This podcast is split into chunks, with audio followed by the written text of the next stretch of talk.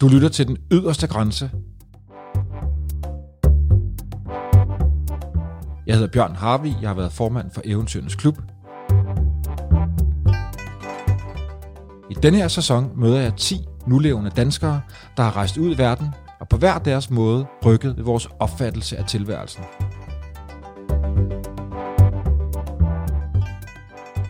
Jeg taler med en pilot, en krigskorrespondent, en pelsjæger, en vagabond, en naturfotograf, en ekspeditionsleder, en kunstner, en bjergbestiger, en hesterytter og en astronaut.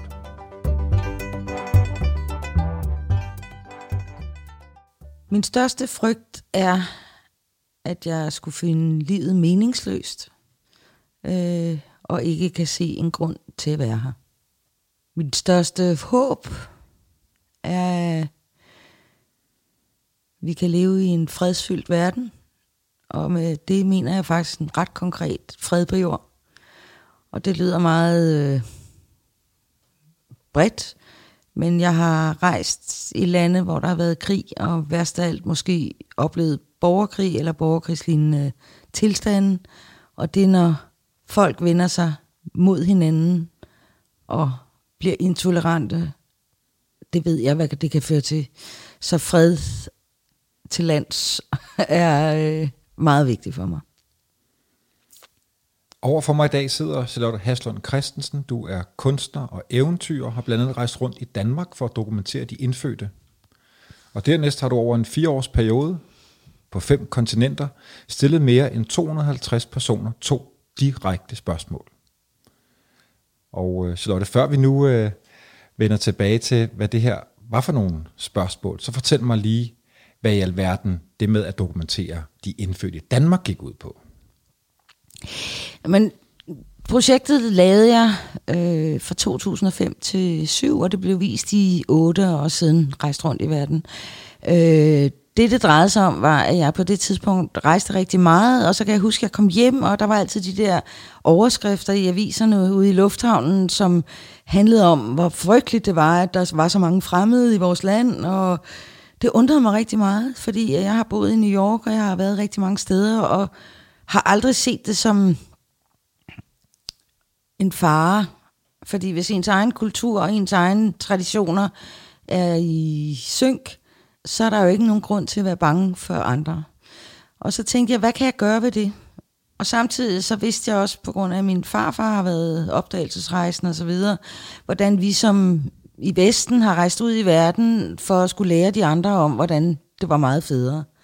Og da jeg jo har rejst siden jeg var 18 år, så havde jeg jo en meget anden holdning til det, og jeg synes selv, at jeg har lært rigtig, rigtig meget af at være afsted og møde mennesker, som var meget forskellige for mig.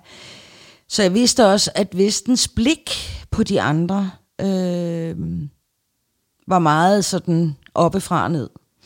Så du ville vende så det jeg sige, gør, vores det er, blik eller dit eget blik mod os selv. Så det jeg tænkte var, at jeg kan lave noget, hvor jeg vender det koloniale blik og kigger på os selv, som vi har kigget på de andre.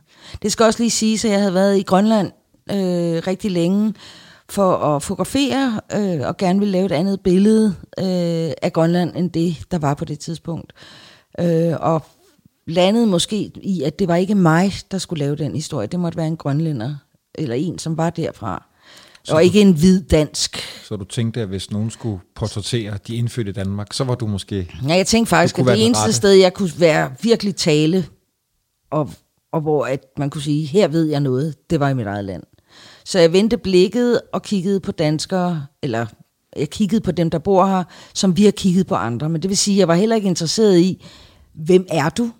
Men tog mere det konceptuelle greb, hvordan ser det ud? Og der var der en masse referencer i fotografiet, øh, hvor at øh, vi jo har taget ud i verden og fotograferet de indfødte øh, forfra bagfra og målt deres skal og så videre. Så på det tidspunkt faktisk var der ingen, der kaldte os selv indfødte. De indfødte var inuiterne eller øh, aborigines. De indfødte på det tidspunkt var faktisk ikke de hvide. Så jeg vendte blikket, og så tog jeg på ekspedition. Jeg var selv klædt ud som opdagelsesrejsende. Ja, for jeg kan huske, jeg, jeg så faktisk din fantastisk smukke udstilling i øh, Nikolaj Kirke, og jeg blev mærke i, at der sad du øh, simpelthen klædt ud som øh, du kunne være en, der var med på din farfars ekspedition. Øh, Henning Haslund Christensen var din, var din bedstefar. Du sidder på en, øh, en brun øh, stor kasse med, med lidt klistermærker og emblemer på, og så har du simpelthen sådan en fin uniform på. Du ligner en gammeldags opdagelsesrejsende. Det er fordi, at øh, når man skal lave sådan en ekspedition, så tænkte jeg, hvad, hvad havde de i gamle dage? Og der havde man selvfølgelig, øh, ja, man havde også tropehjelmen, den tog jeg så ikke på, for den er svær at fotografere med. Men øh, jeg klædte mig, som, øh, som ekspeditionslederne gjorde.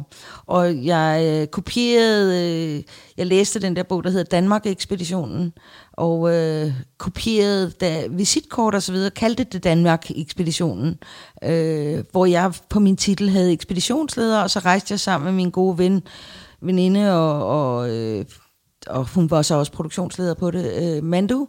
Og der rejste vi to rundt. Øh, jeg som en forklædt som i gamle dage, og hun som sig selv. Og øh, der rejste vi så rundt for, i en mobile home, fordi enhver ekspedition har brug for en ekspeditionskasse, en bil og en lokal. Så Mandu var min lokale dansker, og jeg var så, så I havde en lille base, I tog ud i. For, fortæl, hvordan I gjorde. Vi, øh, vi lavede en bil, en mobile, øh, altså en mobil bil, som vi kunne bo i, og på det tidspunkt havde jeg ikke nogen bil, så vi gjorde det, at enhver bil kunne øh, sættes om til en ekspeditionsbil. Og så tog jeg afsted tre gange sammen med Mandu, hvor vi rejste rundt i Danmark, og vi tog fra by til by. Og når vi kom til byen, så ville vi sikkert gå på værtshus, eller i kaffebar, alt for efter hvor man er i landet, og så ville vi der spørge, vi leder efter indfødte og så vil folk finde de indfødte til os. Og hvordan reagerede folk på det? Altså folk øh, reagerede sjovt og tænkte, nå ja, og vi skal også... Troede de var for sjov? Øh, ja, altså de synes jo nok, det var lidt mærkeligt, vi kom og lignede sådan nogle... Altså det var jo en slags performance, hvor... Øh, at, øh, men så gik der et stykke tid, så snakkede vi sammen med dem, og så øh, ville de sige, jamen der skal I... Altså for eksempel, da vi kom til Rødvig, så fortalte de, at altså, det er familien Olsen. De har været fiskere i tre generationer, øh, så dem okay. skal du have. Så vi blev nødt til at vente i tre dage i Rødvig, for, for inden at uh, Fisker Olsen kom tilbage. De så vi kunne tage lige præcis dem. De var ude at sejle. Ja. så, så det er meget sjovt, fordi at det vil være sådan, at når man, jo mindre byerne er, jo mere ved de jo selvfølgelig, hvem der har boet der længst. Mens hvis du er i København eller i Aarhus, så vil man sige, dem ved siden af boet her længere end mig, altså de mere indfødte. Så det var ikke mig, der definerede, hvem der var indfødte, det var de andre. Og det kommer selvfølgelig an på, hvor man bor. Så I havde ingen øh, planlagte møder? der var ikke noget, der var aftalt på forhånd? Altså nu kan man sige, at vi har jo heldigvis mobilen i dag, så dengang ville vi gøre det, vi ville ringe rundt til folk og sige, kender jeg nogen i Esbjerg, kender jeg nogen, for, for vi skulle have noget elektricitet jo til bilen. Øh, så på den måde, så var det, men vi tog by for by. Hvad sagde familien Olsen, da de så endelig kom i havn, og I stod og ventede? Altså, siddende på en brun øh, Ekspeditionskasse.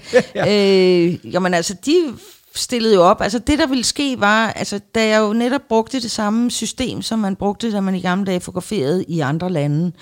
Øh, altså jeg plejer at sige et eksempel. Hvis du kom til Kenya, og du mødte øh, nogen fra Mombasa, og der ville så være en inder med i billedet. Dem vil man så sige til, gider du godt gå ud af billedet, selvom du boede her i tre generationer, så er du ikke i min opfattelse indfødt, fordi du ligner en, der kommer fra Indien, og ikke en, der kommer fra Kenya.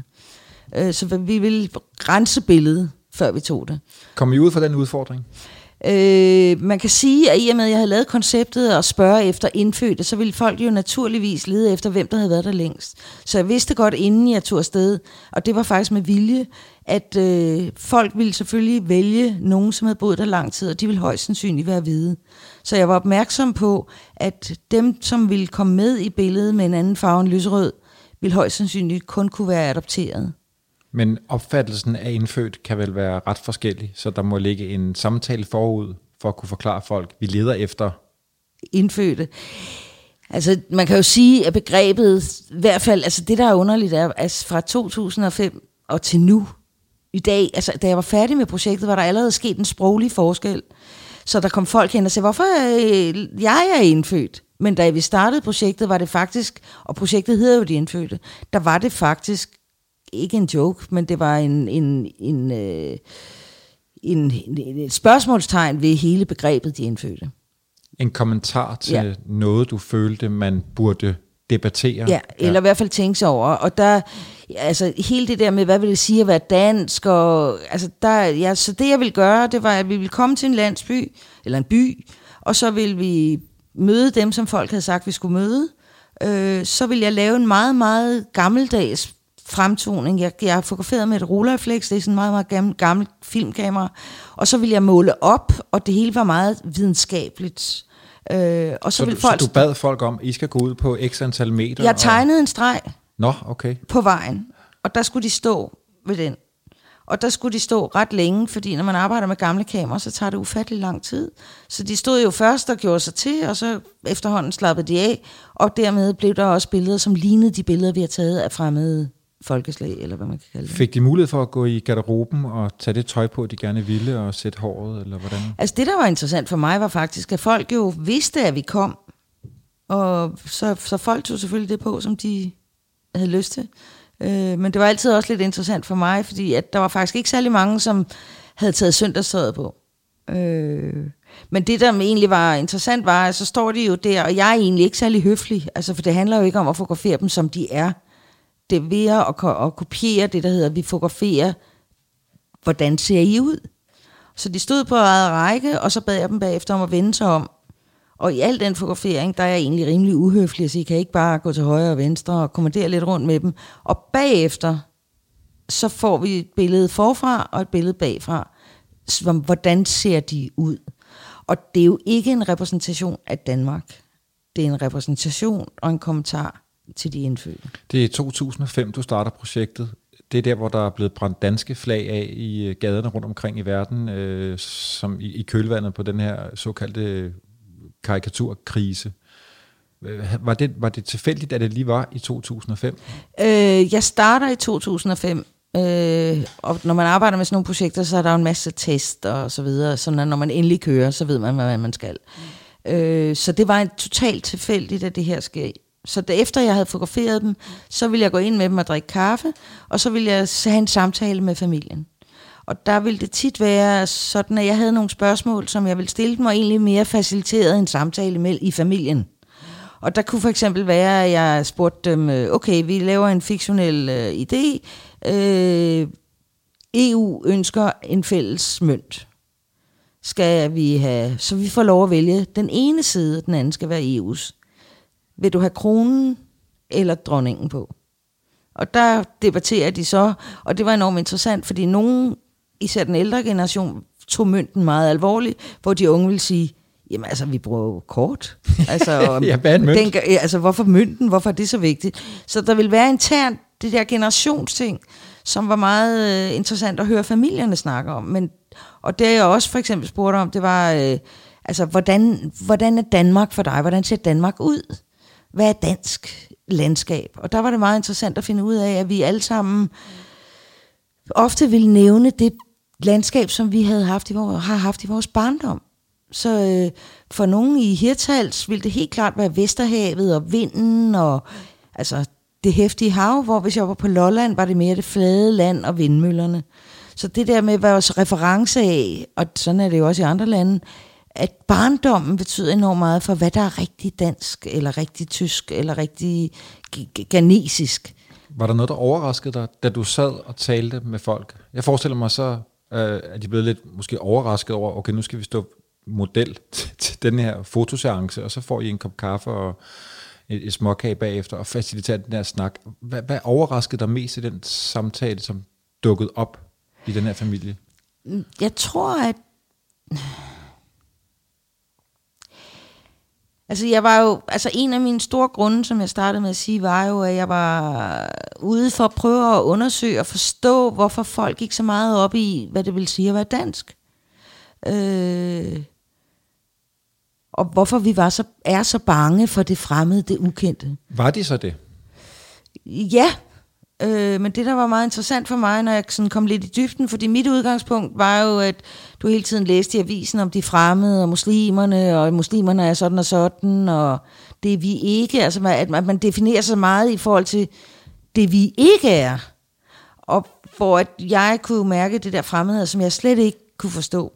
Og øh, når jeg så spurgte ind til det, så var det lidt interessant, fordi efterhånden, jeg var, altså det der med, at vi selvfølgelig var bange for, hvad jeg i virkeligheden kalder, den mellemøstlige unge mand. Øh, det viser, at det var vi også, men det viser faktisk, at hvis jeg gik lidt under huden, så øh, kunne næste skridt være, at man i virkeligheden ikke kunne lide dem fra den næste by.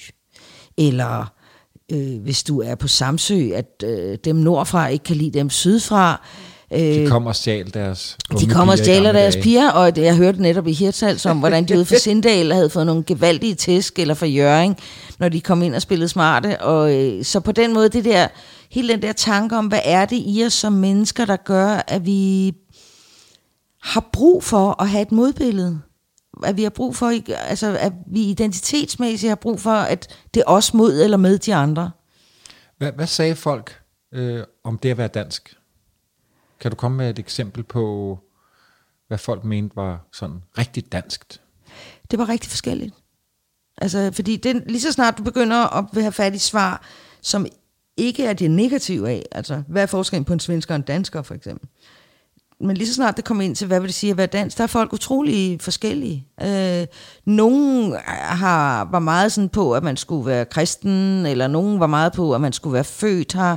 Nogen var meget for, at man skulle leve øh, ud fra nogle normer, som var engang. Øh, nogen vil sige, at højskolen og Grundtvig... Øh, var vigtige. Nogle vil sige, at øh, religionsfrihed var en meget, meget vigtig ting, at man, kunne, at man ikke var missionerende. Øh, så det ville være ret forskelligt. Øh, men det var sværere at finde ud af, hvad det vil sige at være dansk, end det var at snakke med folk om, hvad der ikke var dansk. Kom det bag på dig?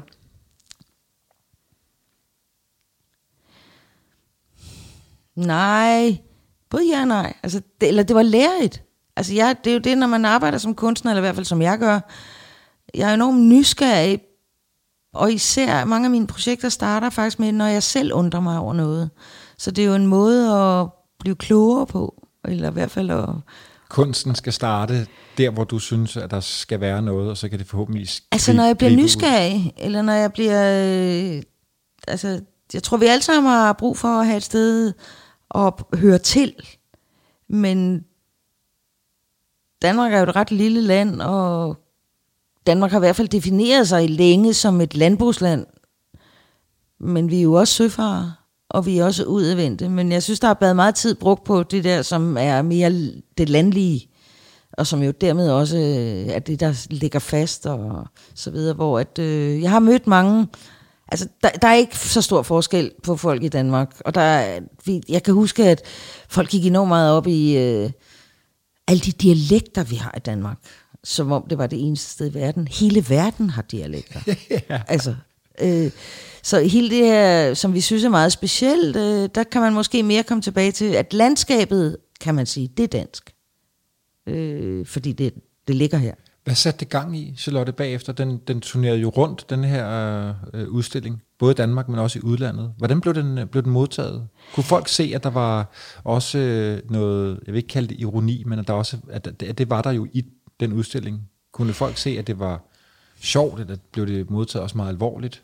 Altså det, der er rigtig interessant, det er, at der, ja, altså, det her var jo en kommentar, og en måde at for mig at se vise, hvordan Vesten har og måske stadigvæk ser på dem, der ikke tilhører Vesten.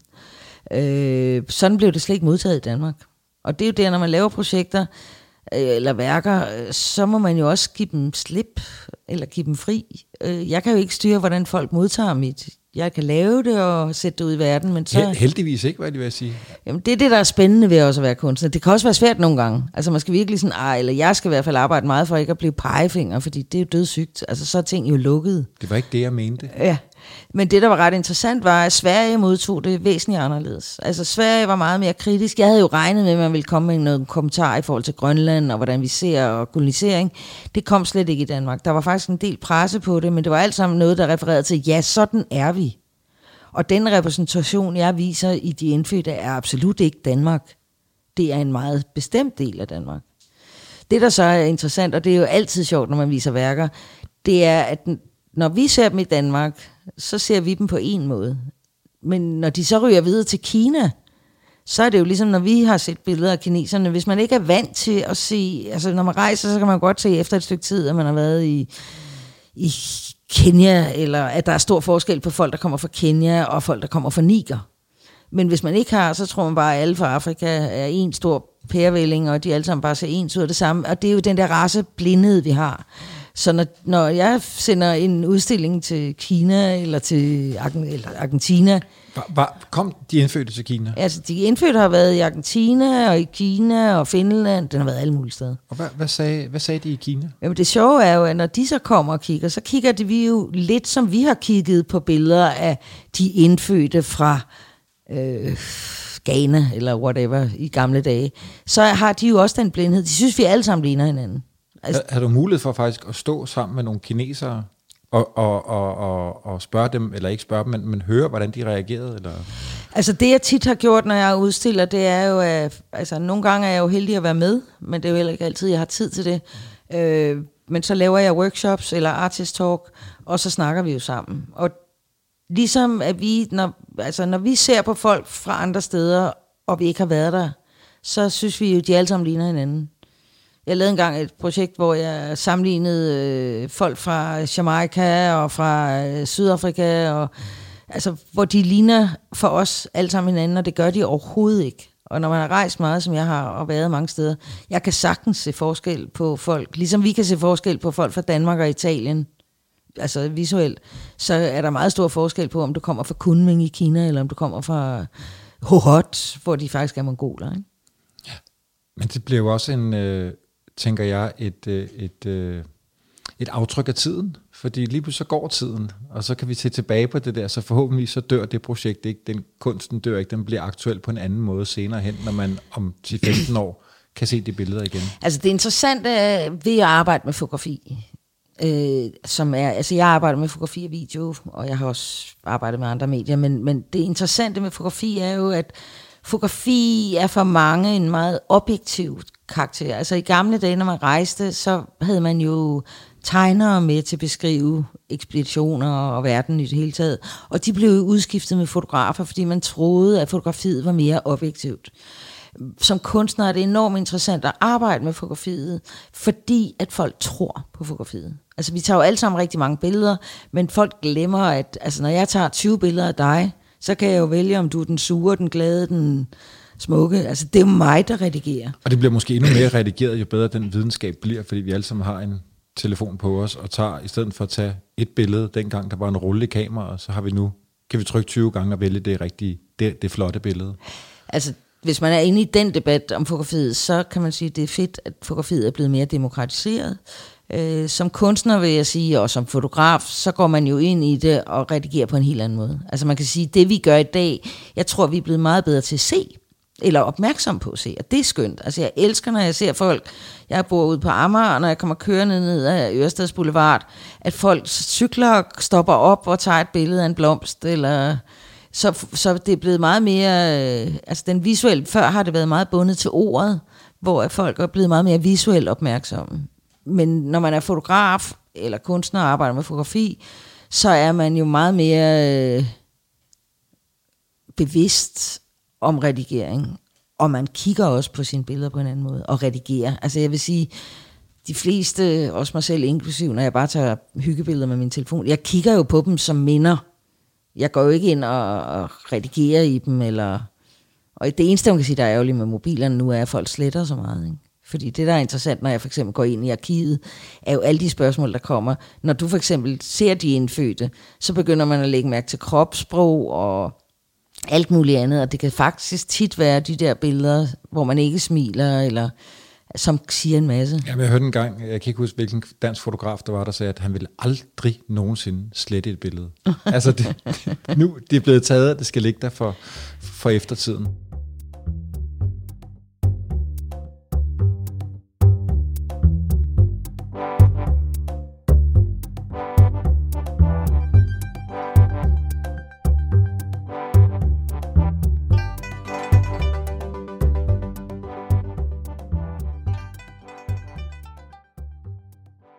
Charlotte, øh, hvis man nu går tilbage i tiden, hvem, hvem, hvem, har, hvem har inspireret dig? Hvem, hvem, var, hvem satte nogle tanker i gang hos dig, som, hvor du tænkte, det er det her, jeg skal, det er det her, jeg skal gøre?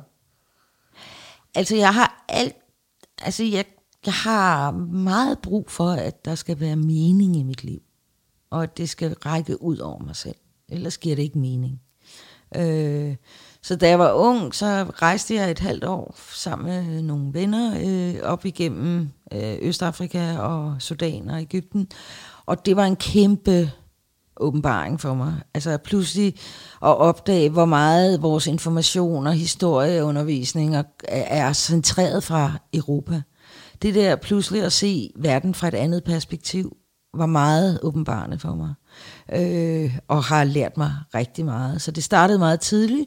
Og så tænkte jeg, hvad kan jeg gøre? Så, fordi når man rejser, så opdager man jo alle de her venlige mennesker, der siger hej til en, og det synes man var, eller jeg synes, det var rigtig stort, da jeg var 18, men på et eller andet tidspunkt skal der lidt mere indhold, og samtidig opdagede, at jeg havde ikke noget at give.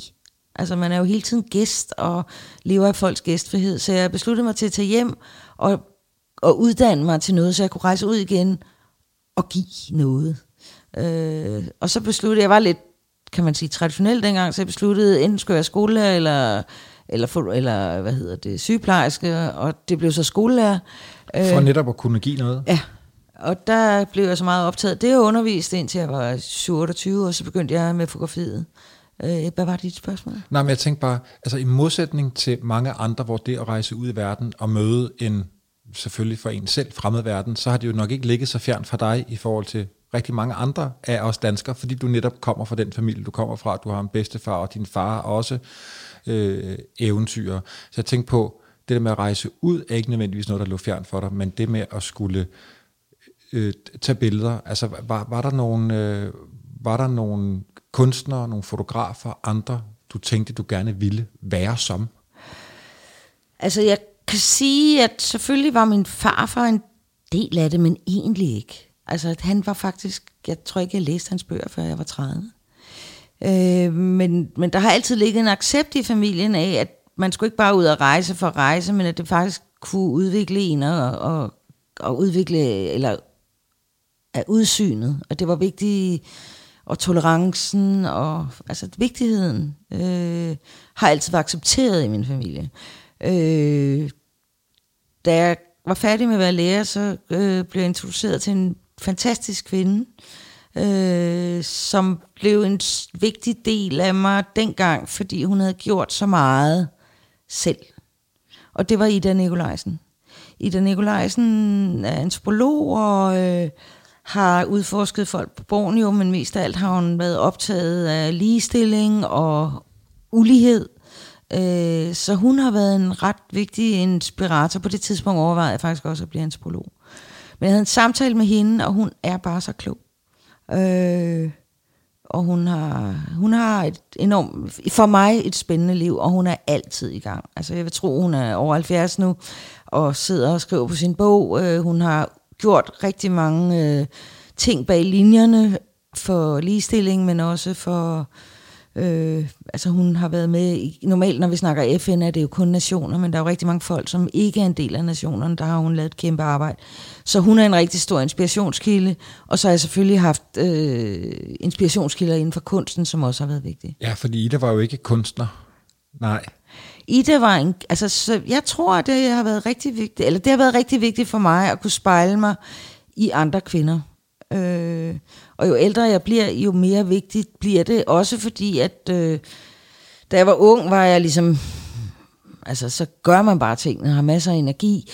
Hvor i dag, der er det svære altså økonomisk, og jeg er også blevet mere øh, malig og så videre, så videre. Øh, så det er vigtigt. Altså, jeg kan huske for et par år siden, der mødte jeg en rigtig dejlig og dygtig kunstner, der hedder Gerda Thune Andersen. Hun er 87, og se, at hun er i gang er bare, så kan jeg også gøre det.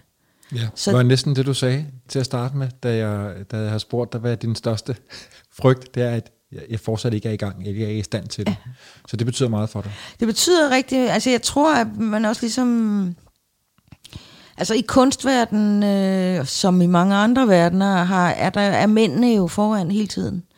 Øh, og jeg er 57, og jeg har stadig brug for at spejle mig og stadig brug for, fordi når man er kunstner, er det man jo tit, Altså, jeg er jo tit den eneste, der tror på det, jeg laver.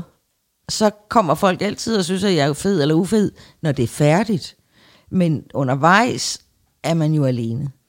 Kommer der, øh, nu er du også øh, aktiv foredragsholder og udstillinger rundt omkring, kommer der øh, yngre kvinder frem til dig ved at have, jeg ved ikke, om man skal kalde det tips og tricks, men måske er nogen vil have en eller anden form for sparring og rådgivning med nogle af de ting, de selv går og, og døj, eller sådan, at tænker på?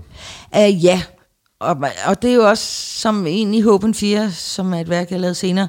Altså, der var en, der sagde, at nu er jeg kommet til den tredje alder, så nu er det tid til, at jeg skal give.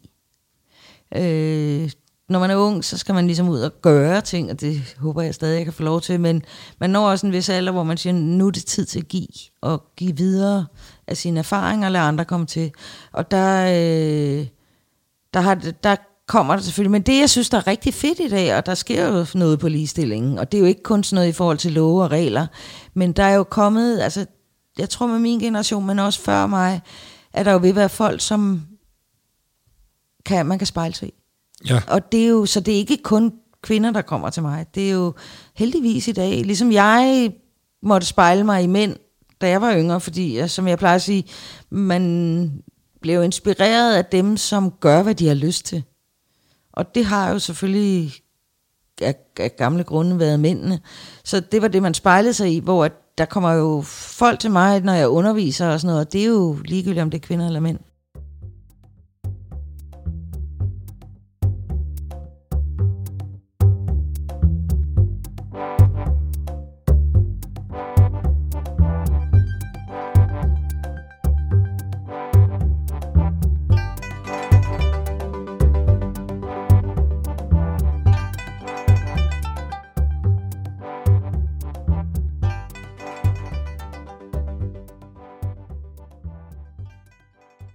Så du nævnte selv Hope and Fear, øh, og det er jo selvfølgelig en af de ting, jeg også rigtig gerne vil snakke med dig om, for det er ligesom også et af dine rigtig store øh, projekter. Øhm, og jeg synes lige, vi skal høre en lydfil, som jeg har fundet frem. Mit største håb er, at mennesker lærer at forstå hinanden på trods af forskelle. And I actually have to say, and this is a little bit silly, but uh, really big multi-legged bugs creep me out. My biggest fear is water. My biggest personal fear is being stuck in a pond or a lake or some confined body of water and drowning, or maybe even quicksand, I'm not really sure. My biggest fear is to be left alone or to be lost. Det er lydfiler fra din Hope and Fear, hvor du rejser ud på, og nu skal jeg se, om jeg kan huske det rigtigt, men du rejser ud til over fire år til fem kontinenter og stiller simpelthen to spørgsmål til mere end 250 mennesker. Nu hørte vi nogle af dem, jeg har også øh, et par flere lydklip øh, senere. Hvad, øh, hvad, hvad, hvad rørte dig mest ved det projekt? Ah, Jamen, det var en fantastisk oplevelse. Øh, efter jeg havde lavet de indfødte, blev jeg klar over, at hvad er det, der gør, at vi mennesker har brug for en anden til at spejle os i, men også til at gøre vores egen identitet, og hvorfor er vi så bange? Samtidig var der sket 9-11 og alle mulige andre ting i vores verden, det sker jo i resten af verden hele tiden, øh, hvor at skræmmebillederne er blevet mere og mere, synes jeg. Og det, jeg hører i nyhederne, svarer ikke til det billede, jeg har af min verden. Så jeg tænkte, jeg bliver nødt til at vise verden, hvordan jeg ser den. Og derfor valgte jeg at rejse ud og interviewe folk. Så jeg var en måned i, eller i Buenos Aires i Argentina, og i Cairo, i Ægypten, i Dar es Salaam i Tanzania, i Ulaanbaatar, i Mongoliet, i København, Danmark og, øh, og Beijing. Og du havde jo faktisk, så vidt jeg husker, en idé inden det her, inden du, inden du ville spørge folk om øh, hope and fear, altså øh, øh, håb og frygt, så har du gjort dig nogle, nogle andre overvejelser, du kunne, hvad du kunne spørge folk om. Altså, det der jo altid er, når jeg arbejder, det er, at der går faktisk rigtig lang tid. Altså, jeg arbejder langsomt. Og øh, jeg havde, efter jeg havde lavet det indfødt, ønsket, at der skulle være lyd på. Jeg ville have folk stemmer på, og derfor gik jeg over til at lave video. Og så tester man og gør en masse ting for ligesom at være klar til, hvad man skal. Øh, så jeg havde, synes, jeg havde fundet ud af, hvad jeg ville, og den var lige i skabet, og jeg vidste, hvordan det skulle laves, og så tog, var jeg på, med på et projekt i Cairo i Ægypten, som jeg har været rigtig mange gange før. Og jeg vil spørge til frihed. Og da jeg kom derned, og det var i 2010... Så, hvad, hvad mener du med det? Du vil spørge folk om, hvad de forstod? Ja. Altså forstod begrebet hvad, frihed? Hvad er frihed? Hvad er frihed for jer? Ja. Og der øh, havde jeg jo selvfølgelig sådan helt sådan naiv ting, jamen altså, hvordan kan jeg være fri, hvis du ikke er fri? Og, altså, der er mange niveauer af frihed. Og så kom jeg til, dertil, og det var lige efter Irak-krig og alt muligt, så, øh, og mine venner dernede blev rigtig øh, irriteret, men også bare gale. Over, over at du stillede det spørgsmål? Ja, hvad skulle det til, og hvorfor var jeg så interesseret i det? Og det kunne jeg slet ikke forstå indtil jeg og fik nogle, der var to ting, der kørte. Det ene var, at øh, frihed for dem, jeg plejer at sige, ligesom Dansk Folkeparti på et tidspunkt tog patent på vores danske flag, sådan at mange ikke rejste flaget, fordi de tænkte, så ville det vise, at de var Dansk Folkeparti. Så på samme måde havde Vesten taget patent på begrebet frihed. Fordi det var, vi det var, var det, de sagde til dig? Ja, fordi at vi var i krig for frihed i Irak, men samtidig gjorde vi ikke noget ved Israel-Palæstina, og så videre, så videre. Så jeg kom helt slukket hjem, og øh, tænkte, shit. Okay, du gik slet ikke i gang med det projekt? Nej, jeg kom Nej. aldrig ud i gaden. Jeg fandt så også ud af senere, at revolutionen var i gang, så der var også nogle farligheder ved at spørge. Det anede jeg jo ikke noget om dengang, og det var der ingen, der anede.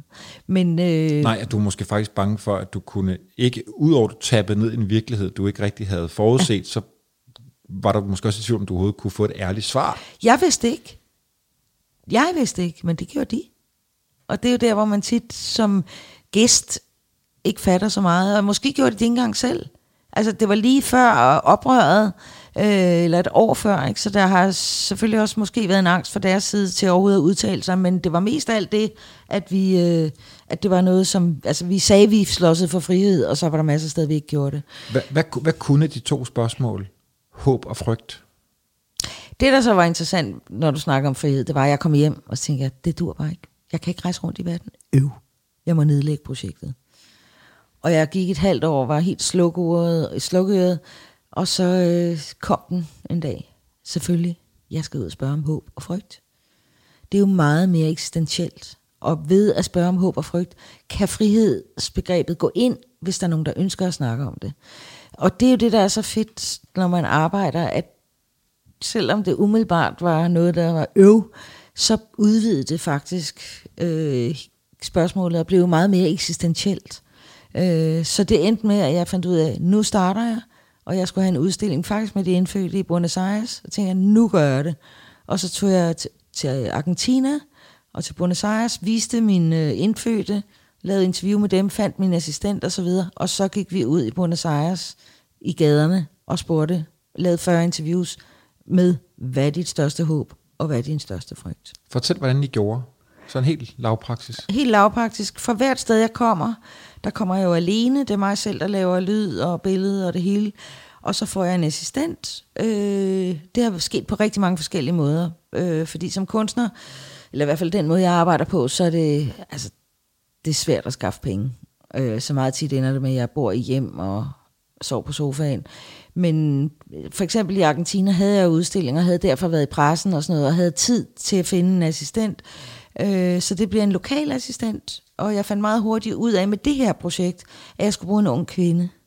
Fordi at øh, med det her projekt, med det jeg ville, der var det en stor fordel, at jeg var den ældre, og appellerede til nogen, og ved at have en ung kvinde, så gik der ikke hanekylling i det, som jeg siger. Øh, fordi at vi kan virke ret ufarlige. Ja, det er afvæbnende. Ja. Men, men, men øh, så jeg havde en men, ung kvinde. Men så jeg tænker på, I, ja. kommer, I går, kommer gående ned ad en gade, stiller jeg, og så tænk, tænker I, ham der, hende der. Det, der vil ske rent konkret, er, at man kommer til en by, det kan for eksempel være i Beijing, øh, som turist eller gæst, der ved man jo ingenting. Jeg plejer at sige, det er det samme som hvis du skal til København, så er det rigtig fedt, hvis du har en lokal, der ved, hvad forskellen på Vesterbro og Østerbro og Amager er. Det har du ikke en chance for som turist. Så derfor skal du altid bruge en lokal. Og øh, de vil have den der klasse, hvor bor de dyre, hvor bor de rige, hvor bor... Så hver eneste dag i de 40 dage vil vi tage et nyt område, og gå dertil altid på gaden, spørge tilfældige, øh, har du tid? Det tager cirka et kvarter, og øh, så vil vi interviewe. I starten vil jeg tage random, altså sådan bare tilfældigt, det vil jeg gøre med de første 15. Men så vil der altid ske det, at jeg vil komme tilbage i redigeringen, som vi gør om aftenen, og der vil jeg opdage, jamen vi mangler nogle kvinder, vi mangler nogle ældre, og vi mangler nogle børn. Så i starten random, og så, men offentlige rum er mændenes domæne i hele verden. Så men derfor I, men I vil gerne have det bredt. Altså, Unge, gamle, mænd, mænd og kvinder. Altså det, som er meget vigtigt for mig, er, at hvis jeg skal lave et, et værk om håb og frygt i verden øh, lige nu, så er det jo som at tage temperaturen. Så bliver jeg som kunstner rigtig meget nødt til at være bevidst om, at hvis jeg ikke gør det ekstra arbejde, så vil jeg ende med 80% mænd. Men det er jo trods alt store byer. Ja. Så, så valget var alligevel, at vi tager ud til de store byer. Vil det blive ja. for fuldstændig uoverskueligt, hvis jeg også går ud og finde på landet? Og Altså man kan sige, at da jeg var yngre, var jeg meget optaget af det såkaldte øh, autentiske og sådan noget. Det har jeg gjort rigtig meget, da jeg var yngre. Øh, jeg er interesseret i globalisering. Jeg er interesseret i verden nu. Øh, at hele verden vandrer mod storbyer. Og jeg synes, det er super spændende at være. Jeg synes, der er en kæmpe energi i storbyer. Jeg er ikke længere optaget af det specielle øh, jeg, jeg, jeg kan sige det kort, jeg er interesseret i verden i dag, og det, der sker på stort plan, i hvert fald indtil nu, det kan godt være, at corona gør det anderledes, men det har været en, en gang mod storbyerne. Er der, en, øh, er, der, er der et møde, er der et svar, som øh, betyder mere for dig end nogle af de andre? Er der, er der nogen af dem, du kan huske? Du får lige lov til at, og, øh, og hvad hedder det, og, øh, og, og tyk på den, fordi jeg, så vil jeg nævne, at jeg faktisk, nu har jeg også, også her i går, sad jeg igen og så den igennem, og der, der er faktisk en af de her personer, du, øh, du, øh, du spørger om de her to spørgsmål, som faktisk rørte mig rigtig meget. Jeg blev simpelthen fuldstændig øh, sådan helt våd i øjnene, fordi der er en, jeg tror, det er en ung eller en teenager, mongolsk pige, som får stillet det her spørgsmål, er dig. hvad er din største frygt, hvad er dit største håb? Og så siger hun, øh, hendes svar på frygt, det er, at at det, hendes største frygt er, hvis hun kommer til at såre et andet menneskes hjerte. Og jeg tænker bare, hold da op. Altså, jeg ved ikke, hvor gammel hun er. Hun kan være 15, 16, 17 år. At hun er i stand til at kunne formulere sådan noget. Det, det, det, det er virkelig, virkelig stærkt. Er der, er der, er der lignende øh, svar, møder med folk, der, der rørte dig ekstra dybt? Altså, altså der, jeg, jeg, da jeg er i Argentina eller i Buenos Aires, der er det jo første gang, jeg laver Håb og Frygt. Og der er vi ude og lave nogle interviews, og så stopper vi, har vi, vi laver et interview på gaden, og øh, så henviser hun til en, der er, bor lidt længere ned ad gaden. Og så kommer vi ind og skal interviewe hende, og foran mig udspiller sig en åbenhed, som er helt sindssyg. Det er en argentinsk kvinde, som snakker om... Så må du ikke afsløre det, fordi det der, det er lige præcis også et af de lydklip, jeg vil have taget med. Det er en, du skal bare ligesom det samme. Det er en argentinsk kvinde, som bliver faktisk meget rørt over, at du stiller det spørgsmål. Ja. Hvor er det fint, vi begge to er det med. Så, er det, så tager vi det først, så kan du fortælle, hvad hun siger. Esa pregunta es más linda. Me genera esperanza la vida.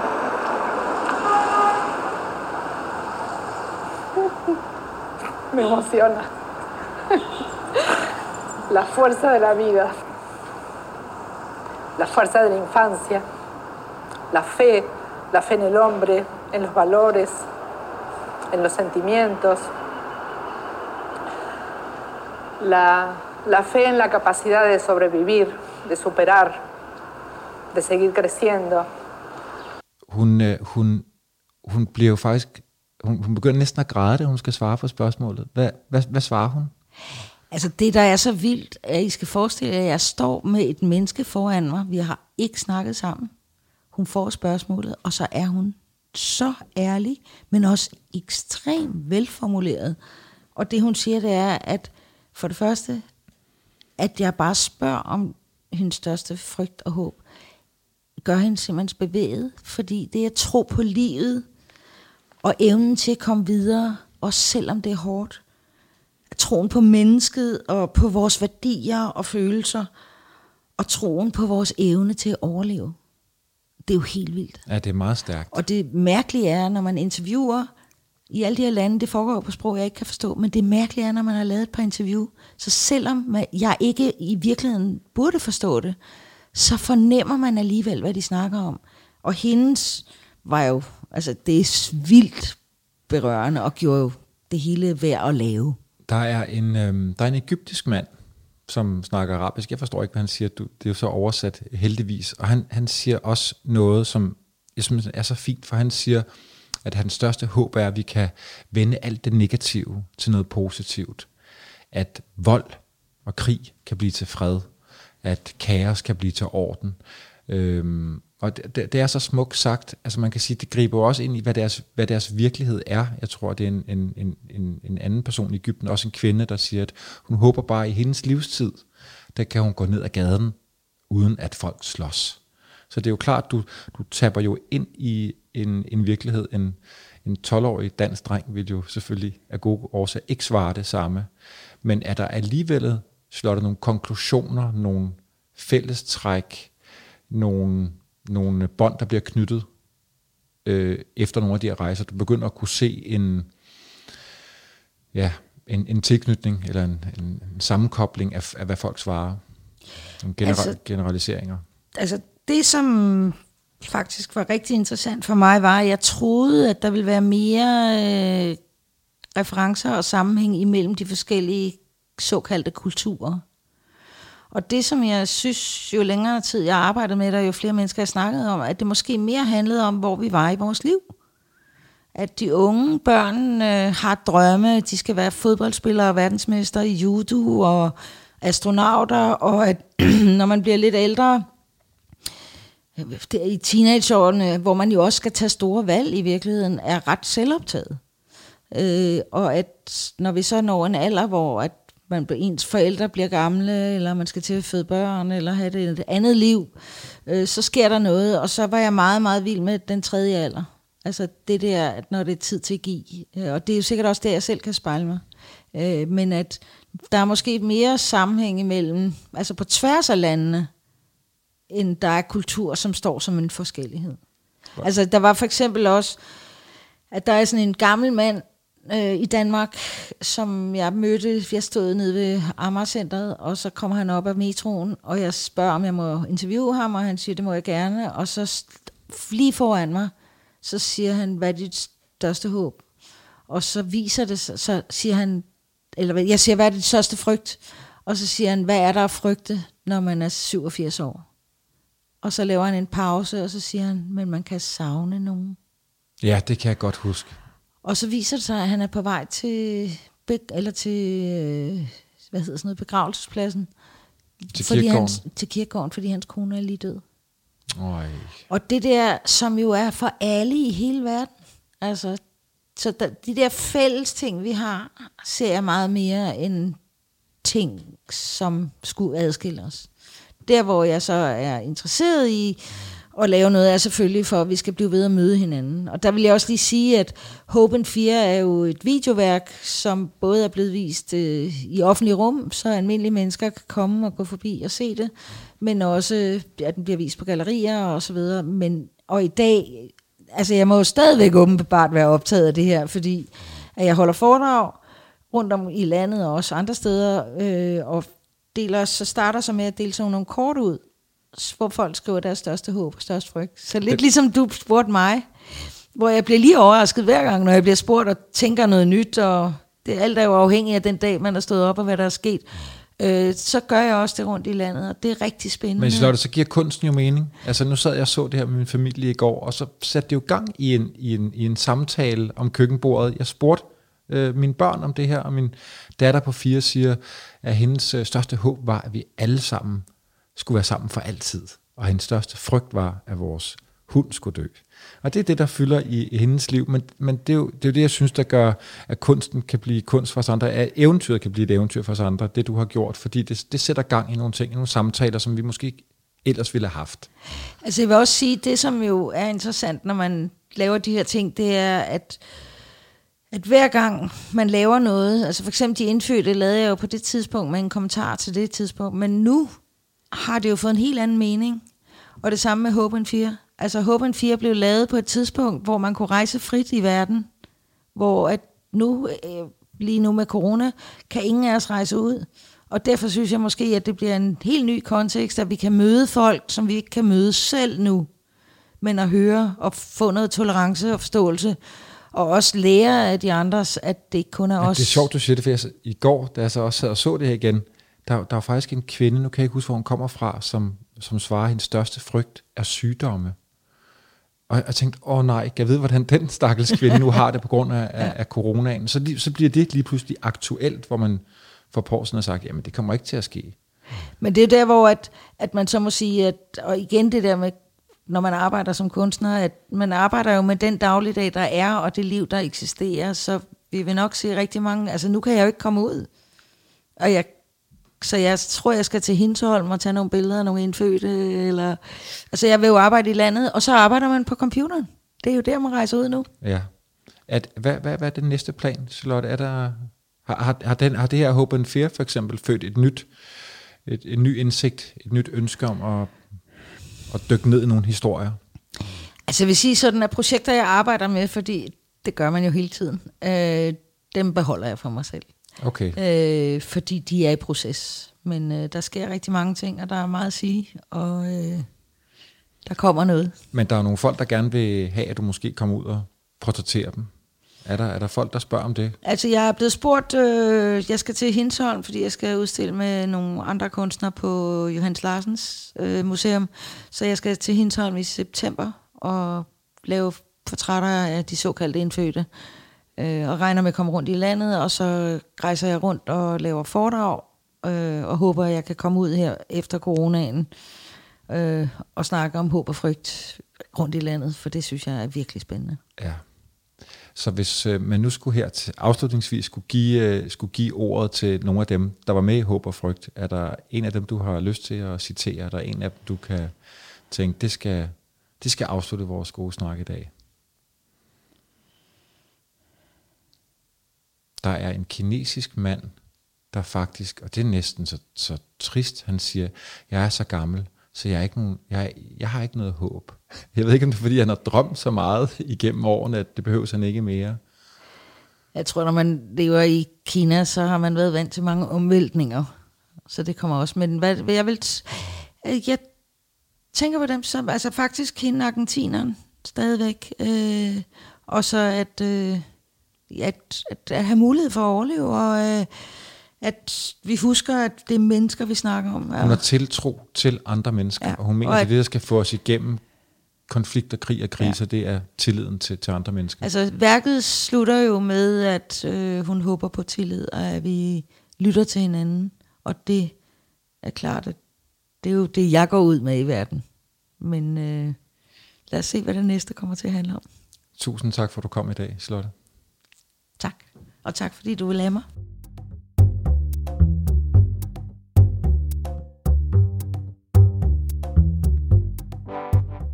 Den yderste grænse er produceret af kontoret Jul for Nationalmuseet og Radio Loud.